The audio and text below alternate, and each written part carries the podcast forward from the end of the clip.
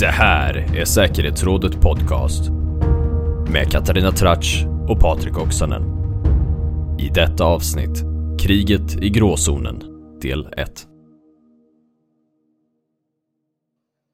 Välkomna till Säkerhetsrådet, en podcast från tankesmedjan Frivärd. Jag heter Katarina Tratsch och som vanligt vid min sida finns Patrik Oksanen.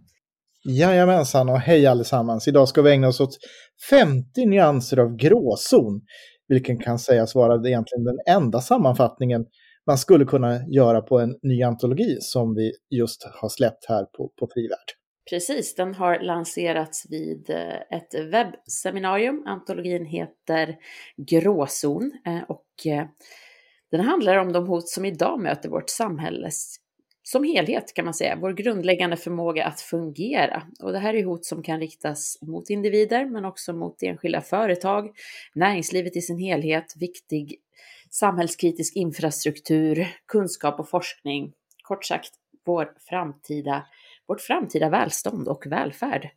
Mm, och det här kan ske genom cyberattacker, desinformation, nätspionage, investeringar i strategiska företag som då kan stärka främmande makts förmåga att påverka och dominera. Det handlar också om penningtvätt som kan användas för att underminera och eh, samhället och finansiera den subversiva verksamheten. Ja, och den krigföring som pågår i den grå zonen, den tillhör ju en hotbild som ställer eh, delvis nya och delvis andra krav Eh, på vår förmåga än bara förmågan att kunna försvara territoriell integritet och våra gränser. Och vi kommer att i detta poddavsnitt och även i vårt kommande poddavsnitt att gå djupare in i de frågor som berör den grå zonen. Idag med två av bokens författare, Annika Nordgren Kristensen, försvarspolitisk urkraft, utredare, debattör, expert och ledamot i Kungliga krigsvetenskapsakademin, samt Gunnar Hökmark, ordförande i Frivärd. Varmt välkomna hit! Tack så mycket! Tack så mycket! Och vi ska ju prata om gråzonen utifrån era två kapitel. Eh, vad är den här gråzonen för någonting? Hur påverkar det oss? Hur hanterar vi den? Och hur bör vi hantera den? Annika, om jag börjar med dig. Hur skulle du beskriva vad är Sverige i för gråzon? Jag ska försöka göra det.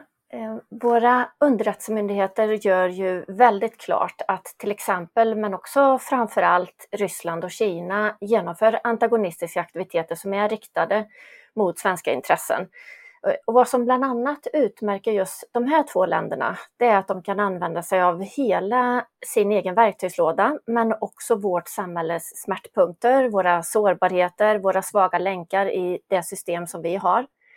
Eh, allt för att då nå sina målsättningar. De har en mycket god förmåga att samordna olika medel, eh, ibland i stark kontrast till hur vårt system är uppbyggt. Och detta vårt system, det har också sina styrkor, det kan vi återkomma till om vi vill senare, men eh, i alla fall så är det det som utmärker dem. Eh, den här hotbilden då som eh, vi lever i, frågan var vad Sverige är i för gråzon. Det, det är samtidigt både politisk, ekonomisk, militär med kopplingar dessemellan. Eh, till exempel så används ekonomiska påtryckningar för att uppnå politiska mål. Man utnyttjar luckor i vår organisation, lagstiftning i den samverkan vi kan genomföra eller inte är duktiga på att genomföra. Och det andra är att metoderna ofta är förnekbara, de är dolda, tvetydiga, inte alltid självklara att veta vem eller vad det är som, som eh, orsakar de störningar eller angrepp som vi kan se. De här kvalificerade statliga aktörerna, de har tid och de har stora resurser eh, och de söker väldigt brett efter våra sårbarheter i vårt väldigt öppna och digitaliserade samhälle. Det är ingen skillnad på civilt och militärt eller mellan offentligt och privat. Och varför gör man då allt detta till, till sist? Eh, ja, ett syfte kan vara att förbereda ett angrepp, till exempel genom att göra insteg i, i digital eller fysisk samhällskritisk eh, infrastruktur, som vi också nämnde tidigare här. Eh, man kan ju vilja i något skede kunna lamslå de här funktionerna om det gagnar ens sak i kris eller i krig. Ett annat syfte är ju att sno kunskap och tjäna pengar helt enkelt, vilket ytterst hotar vårt välstånd. Eh, tredje det är att påverka oss för sina syften. Eh, och på ett övergripande plan är det att minska vår motståndskraft och vår beslutsamhet att hävda våra och våra allierades, våra vänners intressen och värden som vi vill försvara. Det vill säga att göra oss följsamma och att bli starkare genom att minska andras styrka. Så det skulle kunna vara en kort beskrivning. Gunnar, vill du haka in någonting där? Ja, alltså, jag tycker det är intressant att reflektera över vad begreppet gråzon har utvecklats från. Vi, vi, vi lanserade i Fri Värld det begreppet, inte, en, inte så att det var ett nytt begrepp därför att gråzon har man talat om länge. Men vi har, vi har försökt definiera det som ett konstant säkerhetspolitiskt begrepp snarare än som ett övergångsskede eller som någon slags eh, bara en skuggornas zon. Där i gråzonen så finns det inte bara hot. Väldigt mycket av försvars och säkerhetspolitik talar om hotbilder. Utan i gråzonen pågår också en krigföring. Det vill säga det är inte bara hot utan det är realiserade, genomförda hot. Eh, som cyberattacker. Eh, intressant nog precis när vi eh, idag på ett seminarium, webbinarium presenterade boken Gråzon så kom precis nyhetsflashen förbi om att man nu har tagit itu med det dataintrång som från rysk sida gjordes mot Riksidrottsförbundet. Och åklagaren konstaterar att man lägger ner åtalet därför att det går, trots att man vet vem det är, så går det inte att åtala det som är en utlöpare av den ryska underrättelsetjänsten. Det vill säga, det som Annika sa, det är förnekelsen, doldheten, kanske svårigheten att veta vem det är, svårigheten att bevisa. Men en annan sak som jag tycker man ska föra till detta det är att i den öppna världen så är alla rum öppna. Och, och där finns en politisk och logisk skillnad mot det som vi är vana vid att tala om när vi talar om säkerhetspolitik. Det vill säga, det, det, vi sitter väldigt fast i den tankevärld där vi hade en järnridå, en Berlinmur, eh, slutna samhällen och där containment var sättet att hantera hoten. Och där samhällen var avskilda från varandra. Nu är alla har en möjlighet att vara inne i, i det fria rummet i det öppna samhället, även de onda och dåliga krafterna. Och, och, och, och det ska man ha klart för sig att då tar despoternas metoder och diktaturens logik präglar även vad som sker här. Och, och det som ibland fick förbli hot därför att man inte vågade ta det slutgiltiga steget till ett krig. Det, det skedde ju också väldigt ofta. Det förblir blir idag till genomförda hot och agerande i, eh, kan man tycka, mindre skala som mot organisationer och idrottsföreningar. Men det är i grunden väldigt mycket därför att det handlar om destabilisera, skapa misstro. Det kan ske mot sjukhus, det kan ske mot eh, järnvägsförbindelser, det kan ske mot banker. Patrik pekade innan att eh, penningtvätt är ett av detta. Eh, men det handlar ju om att flytta pengar från en värld där despotin råder men också rättslösheten för att kunna använda dem antingen spara rättssäkert här eller att använda dem till subversiv verksamhet. Så det vi ser är att i gråzonen så kan en mängd olika krigshandlingar eller handlingar som en slags krigsföring genomföras utan att man tar det sista steget. Men då tycker jag man ska vara medveten också om att då har man skapat en eskaleringstrappa, det vill säga det, det, är inte så att hoten om militära medel blir mindre. Snarare finns det en trappa som vi riskerar springa upp längs eller ner längs om vi inte ser till att täppa till det genom att agera mot de här olika åtgärderna på det sätt som är lämpligt. Det, det, här är en väldigt viktig eh, sak att kroka tag i. Det vill säga att man kommer att angripa oss där vi är som svagast. Det vill säga antingen och fokuserar vi bara så att säga, på icke-militära medel, då kommer man eh, kunna hota oss och betvinga vår vilja genom att hota, skramla med det militära maktmedlet och vice versa. Eh, så det är inte antingen eller utan i allra högsta grad både och. Men här måste vi också då mot bakgrund av vad Gunnar tar upp nu för aktuell händelse eh, som är blottlagt i offentligheten eh, sent om sidor. Eh, det är ju, vi måste också vara bättre då på att reagera eh, och bete oss på ett sätt som gör att man förhoppningsvis, eh, i bästa fall i alla fall medverkar till att avskräcka från kommande och pågående aktiviteter. Och då gäller det inte att släppa sådana här solklara bollar som i det här fallet som Gunnar beskrev. Eh, jag tycker ni båda fångar väl ett så diffust begrepp som gråzon och, eh, och ni ringar in hur det faktiskt är någonting som pågår hela tiden eh, här idag. Men, men om vi då tittar på responsen, och det, det har ni också varit inne och touchat lite på, om vi, om vi gräver mer i den.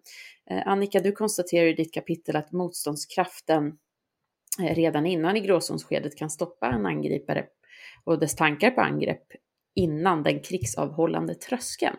Vill du förklara lite vad du menar med det?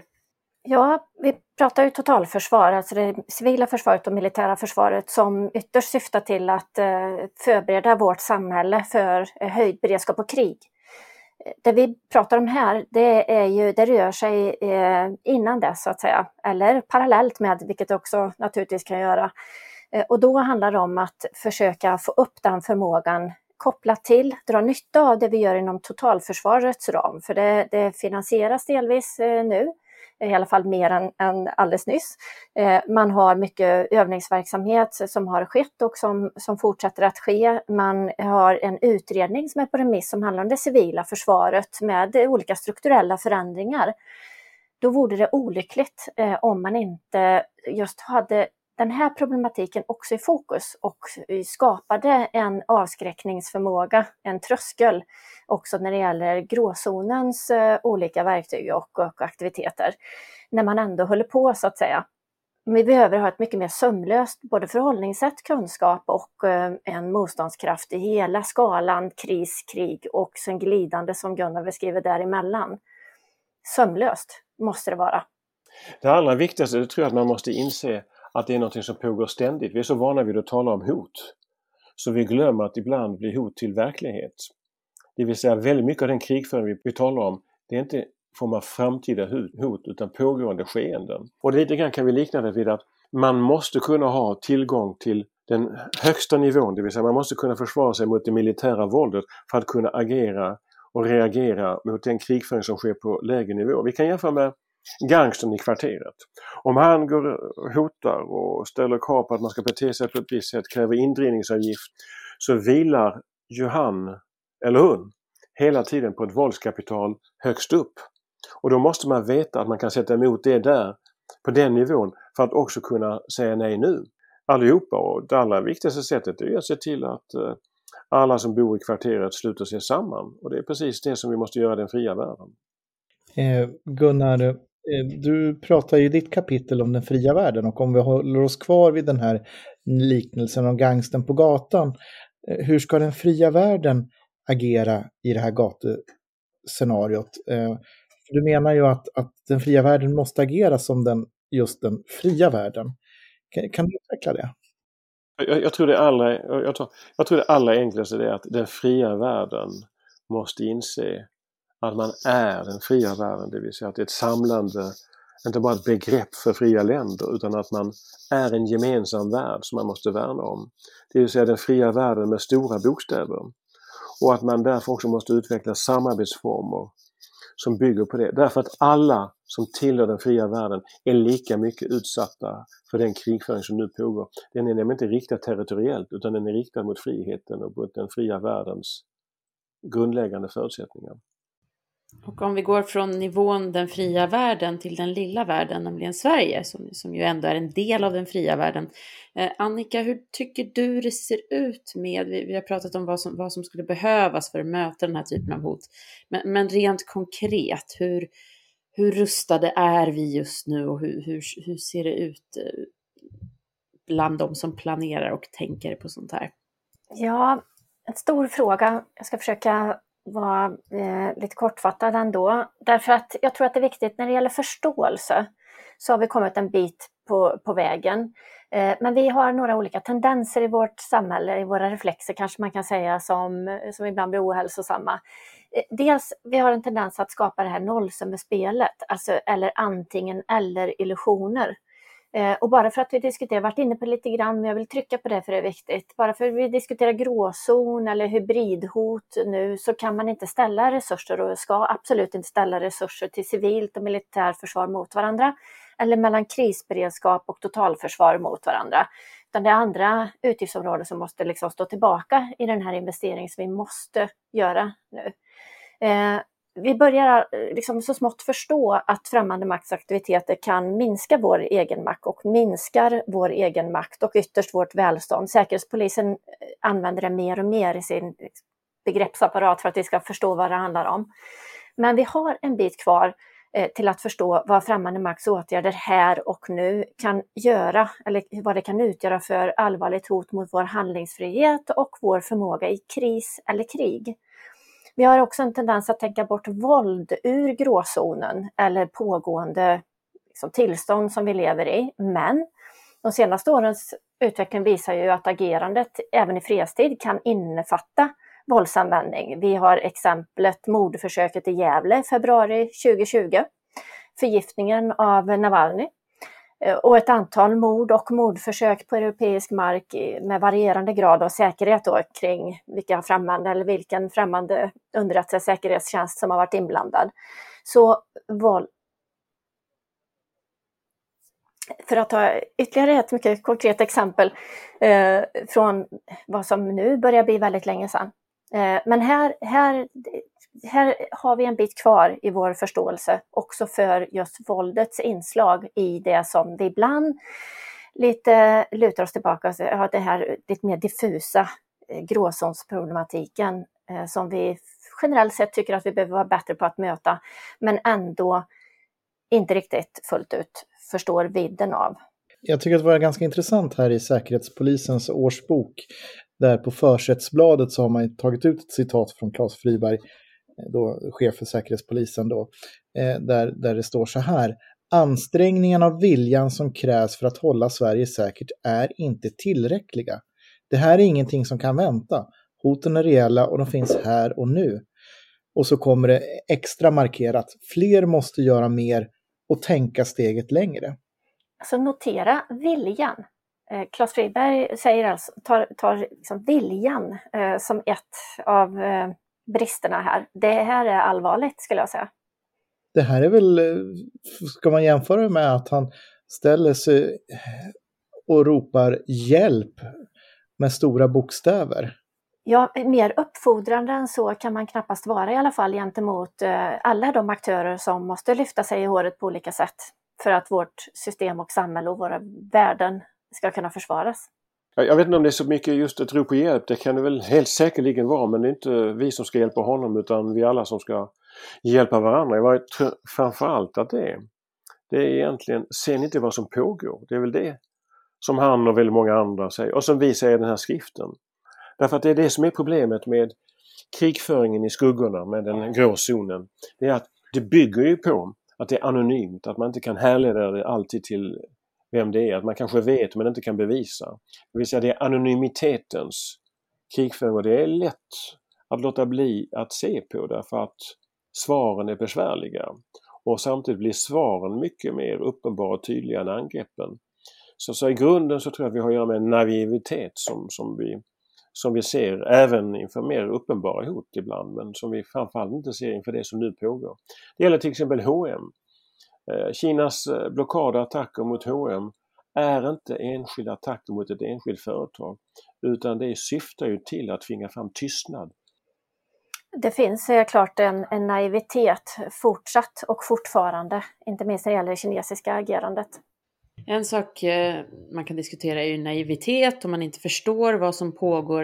Eh, men en annan sak som du också tar upp i ditt kapitel Annika är ju man kanske förstår men, men, väntar på att någon annan ska göra någonting. Och du, du berör ju svensk förvaltningskultur där och liksom hur vi är vana att hantera kriser och problem och så vidare. Och samtidigt har vi något här som ställer andra krav. Jag, jag har en, en favoritmening i ditt kapitel som är att hot och förmåga ska inte anpassas efter den förvaltningsstruktur som råder just nu. Vill du utveckla det lite grann?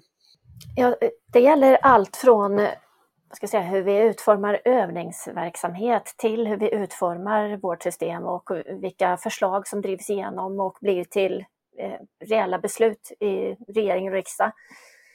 Eh, och jag, här, finns, eh, här finns som sagt mycket på gång som kommer skruva till vårt system, men en hel del återstår. Och jag tror att en del av detta som jag skulle vilja lyfta, det är ju då att inte nu luta sig tillbaka i väntan på allt det som man hoppas ska ramla ner som manna från himlen, antingen i, i konkreta riktlinjer och direktiv från regeringen eller förordningar och motsvarande lagstiftning. Eh, eller, eller någon annan tydlighet, utan här kommer alla behöva anstränga sig fram tills dess den dagen eventuellt inträffar.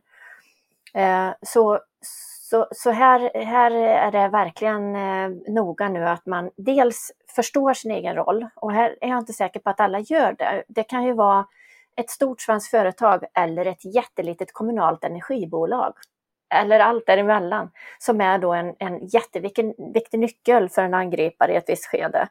Och att då förstå att man är närmast liksom i frontlinjen eh, i svenskt försvar i ett sådant skede för det lilla bolaget eller det som inte associerar sig själv till en del av försvar. Eh, där är en eh, sträcka att gå. Men med tanke på säkerhetspolischefen som vi just citerade, eh, underlag från FRA och MUST som har gjort motsvarande starka skrivningar i sina årsöversyner och årsrapporter, eh, så kan man heller inte säga att, ingen, att vi inte visste, eller att vi inte vet, eller att vi inte förstår. Eh, vem som helst som vill förstå kommer att kunna förstå med den information som nu finns ute. Och boken som vi pratar om nu bidrar ju också till det. Ja, ja, det är alltid lättare att inte riktigt förstå och kanske också lättare att tänka att det är någon annan som måste sköta försvaret. Men jag tror att vi är i ett läge där var och en måste inse att vi bidrar till den mer grundläggande säkerheten. Det, det, det är vi alla som försvarar det fria öppna samhället. Staten har sina givna uppgifter där. Men vi som enskilda medborgare eller som företag och organisationer måste se till att vi har ett fullgott skydd för det som vi sysslar med. Lite grann som i det medeltida perspektivet att eh, man försvarar landet men varje enskild borg måste kunna försvara sig själv också. Varje enskild stad måste kunna försvara sig. I, i en överförd billig bemärkelse är det där vi är. Därför att den grå zonens krigföring är inte territoriell. Den riktar sig överallt och når överallt och kan komma överallt ifrån. Men vad är det för mekanismer som gör att man inte vill förstå? För att vi, vi, alltså det är så mycket här som, som borde vara tydligt för så många aktörer. Och vi har väldigt många olika exempel på det också här i, här i Sverige. Men det är någonting som blockerar. Vad är detta? Jag skulle vilja eh, ta upp olika historiska erfarenheter som en faktor i detta faktiskt. Eh, därför att vi har en tendens att så att säga vänta och se. Eh, och jag tror att eh, man, kokar ner, man kan koka ner det delvis i alla fall till att vi eh, inte har krigserfarenheter med oss som man har i andra länder. Och det får betydelse. Dels för hur man vill förhålla sig när man får de här antagonistiska hoten mot sig och pågående angreppen. Att man kan känna att om vi duckar det här så blir det i alla fall inte värre. Eh, och sen har vi en tendens att det ska inte kosta något med säkerhet. Vi har ju levt i den liksom förvissningen att det, det, det, det, ska i alla fall inte vara dyrt. Eh, det får inte kosta någonting. Det får vi också göra upp med. Så det finns flera olika sådana faktorer som blir till problem när Sverige ska reagera och agera. Tror jag. Ja, det ligger mycket i det. Eh, absolut, men, men det kanske också så att den säkerhetspolitik som vi idag talar om, där fanns fienden alltid på en annan sida. Och det var också mycket mer uppenbart och uttryckligt när någon angrep någon annan. Det vill säga krigföringens olika handlingar, ja även propagandan, var mer synlig att den kom från någon. Nu är det så att i en integrerad värld där, där vi kan säga att samhällen diffunderar med varandra, det vill säga vi har en diffusion istället för containment. Där finns det lite grann här och var överallt och då är det lite grann svårt för oss att ta till och, och, och förstå att hoten finns så nära in på oss och att de inte är så uppenbara utan att de är smygande. Och då är det enklare att titta bort. Enklare att låta bli att skydda sig. Och kanske det också beror på att vi tenderar att se på andra som om de är en spegelbild av oss. Men Kina är inte en demokrati och fungerar inte som en demokrati. Ryssland är inte en demokrati och fungerar inte som en demokrati. De har despotins och diktaturens logik även i politiken mot oss. Ja, jag, jag, måste bara få säga eh, ytterligare en sån sak och det är vår tro att vi kan välja. Att vi kan välja som land, att vi kan stå utanför på något vis, välja bort att bli inblandade eller att det avkrävs något av oss allesammans. Eh, och det underbygger ju regeringen inte minst genom att man pratar om den här handlingsfriheten som ett stort, eh, en stor sak, när vi i själva verket samtidigt konstaterar att, att vi oundvikligen kommer bli påverkade en säkerhetspolitisk kris i, i vårt nära, närområde så att säga. Så här, här har man mixade budskap som inte alltid riktigt går ihop och det bidrar inte till eh, den förståelse som vi måste ha nu. Så tror ni då att eh, mot bakgrund av allt det här, vi har hört eh, er fantastiska diskussion här, inte minst mot slutet, vi har hört allvar från Säpo-chefen och andra instanser som har betonat det här. Hur, hur tror ni, liksom, om, om, ni får blicka framåt lite här, kommer det ske en kraftsamling, en mobilisering som omfattar hela samhället här och alla de här olika aktörerna? Är ni optimistiska på den fronten? Ska jag börja? Ja, det låter som att du vill det. ja, jag är lite ivrig här för det känns så relevant och viktigt, eh, den frågeställning som du ställer Katarina. Eh, I mitt kapitel i antologin så, så argumenterar jag framförallt för tre områden, om jag ska ta det som eh, exempel här. Och det är att, att vi måste samla oss kring att kunna bryta angriparens förnekbarhet. Vi har pratat om det, men det är så viktigt att kunna attribuera angriparen därför att det framtvingar också beslut, medvetna beslut, oavsett hur de besluten ser ut. Och det kan vi tycka att man ska agera på olika sätt och sådär, men, men det är en viktig del i det. En lägesbild som då blir så mycket gemensam som det bara går, eller lägesbilderna blir så mycket gemensamma som det bara går. Det andra är att, att stärka gråzonskompetensen, om man ska kalla det så, i uppbyggnaden nu av det civila försvaret. Jag har varit inne lite grann på en viktig sak framåt. Eh, och sen att beslutsfattare ska träna på att fatta beslut om svåra prioriteringar. Det är tredje sån punkt som, som jag vill lyfta som viktig. Och det har också en del av avskräckning att göra för att eh, i den mån vår motståndare eller den som vill angripa oss tror eller tycker eller vet kanske rent av att vi ibland har svårt att göra just det, Eh, då, då kommer man sätta oss på prov. Så det är också en, en avhållande verksamhet, att träna oss i beslutsfattande, att träna oss i att kunna göra de här svåra prioriteringar och att låta eh, omvärlden veta det. Mm. Ja, det är väldigt viktigt. Vi måste se till att när vi vet vem som har gjort någonting så ska vi gå efter dem. Vi ska tala om vilka de är, vi ska avslöja dem och vi ska använda den internationella rättens alla olika möjligheter men också det svenska europeiska rättssystemet. Vi har idag till exempel en Magnitsky-lagstiftning som ger förutsättningar för att vi i Europa och i olika enskilda länder kan eh, agera mot dem som bryter mot svensk rätt eller mot internationell rätt. Eh, det ska vi använda men vi ska inte vara rädda för att använda alla andra, framförallt transparens och peka ut de skyldiga därför att då så vet vi också mycket bättre allihopa vilka vi har att göra med. Och optimistisk är jag därför att vi ser runt omkring i världen hur fler och fler blir medvetna om hur eh, auktoritära och diktatoriska regimer utnyttjar frihet i den, i den, i den fria världen. Vi, vi, vi har en kraftsamling på gång. Vi har det faktum att eh, Joe Biden är president i USA och ser detta som ett av de övergripande hoten och, och som också vill ju samla den fria världens länder till att vara den fria världen. Eh, det måste vi gå vidare på och det är på det viset vi på ett tidigt skede kan markera mot Kina, mot Ryssland så att vi inte hamnar i en eskalering. Så att de inser att de måste acceptera våra regler för frihet, öppenhet och rättsstat. Det är inte vi som måste acceptera deras försök att underminera det som är självklart och avgörande i våra samhällen. Så jag är optimistisk och syftet med den här antologin är just att driva på den debatten. Kära vänner, eh, ni har sagt väldigt mycket klokt om detta och eh, det har varit ett nöje att få leda här, den här podden, tycker jag. Det, det tycker nog du också Patrik. Eh, vi har ju haft det här samtalet med anledning av antologin Gråzon som vi har släppt i dagarna och med oss hade vi våra två författare Annika Nordgren Kristensen och Gunnar Högmark eh, som eh, har resonerat kring de här frågorna med oss tillsammans idag. Och det ni har lyssnat på är ju en podd från Tankesmedjan Frivärd med mig Katarina Tratsch och med Patrik Oksanen. Och podden den finns där poddar finns. Glöm inte att prenumerera så att du inte missar något nytt avsnitt. Rösten inledning till Ardino Ekdal som också gjort bearbetningen. Och kom ihåg, Sverige är värt att försvara i gråzonen. Motståndet upphör aldrig.